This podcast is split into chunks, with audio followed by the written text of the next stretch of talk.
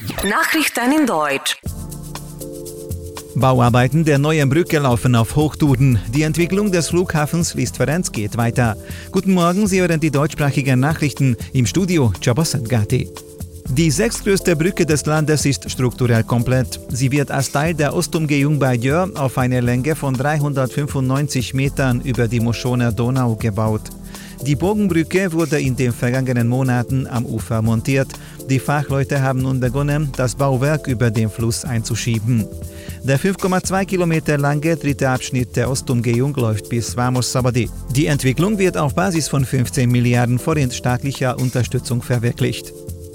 Der spezielle Rettungsdienst Jör erhielt ein neues Motorrad. Sowohl die Selbstregierung als auch der Freundeskreis der Motorradfahrer Jör und Umgebung haben den Kauf des Fahrzeugs mit einer bedeutenden Summe unterstützt. Das Motorrad wird in den kritischen Situationen, unter anderem beim Hochwasser, Unfällen sowie beim dringenden Bluttransport eingesetzt. Die äußeren Grenzen der Schengen-Raum müssten beschützt werden, sagte der Ratgeber des Ministerpräsidenten für interne Sicherheit in einem Interview. George Bakundi ist der Meinung, dass immer mehr Länder dazu gezwungen seien, sich wegen der fehlerhaften Entscheidungen der EU durch innere Grenzkontrollen gegen die Migration zu wehren. In den vergangenen Tagen wurden die Regeln in Österreich strenger. In Italien wird jeder Güterzug überprüft.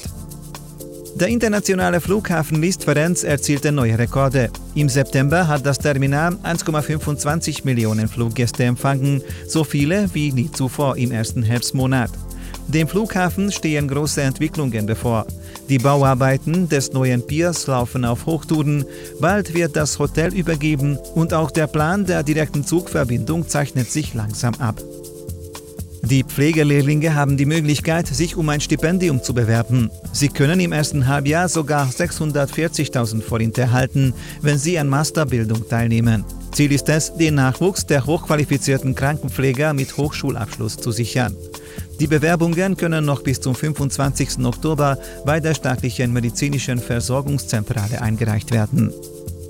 20 ungarische Auszubildende treten sich im weltweiten Wettbewerb für Azubis in Abu Dhabi an. Das Event hat mehr als 1000 Teilnehmer aus 60 Ländern der Welt. Die ungarische Mannschaft vertritt 19 Berufe, unter anderem Webentwickler, Koch sowie Pfleger, Betreuer. Das Ereignis ist eine gute Angelegenheit, Erfahrungen zu sammeln, weil die Wettbewerb im nächsten Jahr in Budapest stattfinden wird. Volkswagen sieht im Elektroautohersteller Tesla einen zunehmend wichtigen Rivalen.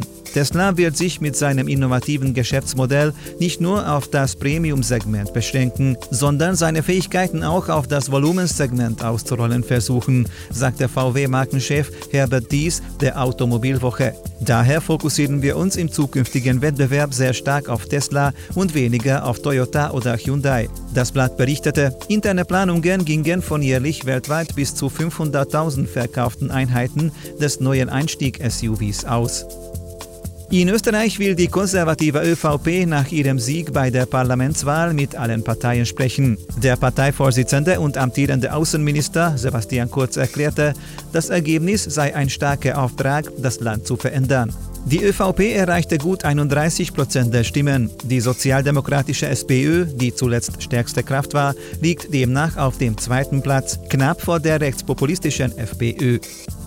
Und nun zum Wetter. Der Hochnebel wird hartnäckig und hält sich über Jör bis in den Nachmittag hinein. Tageshöchsttemperaturen bei 17 Grad.